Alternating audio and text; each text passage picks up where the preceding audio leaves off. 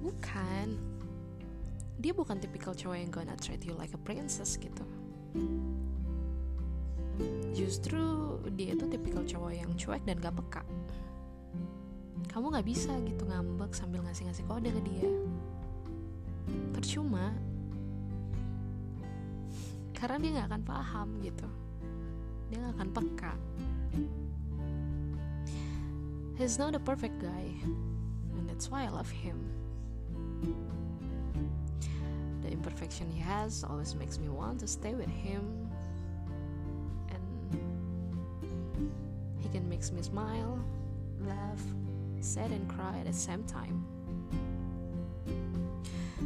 And actually fell in love with him is a bad idea.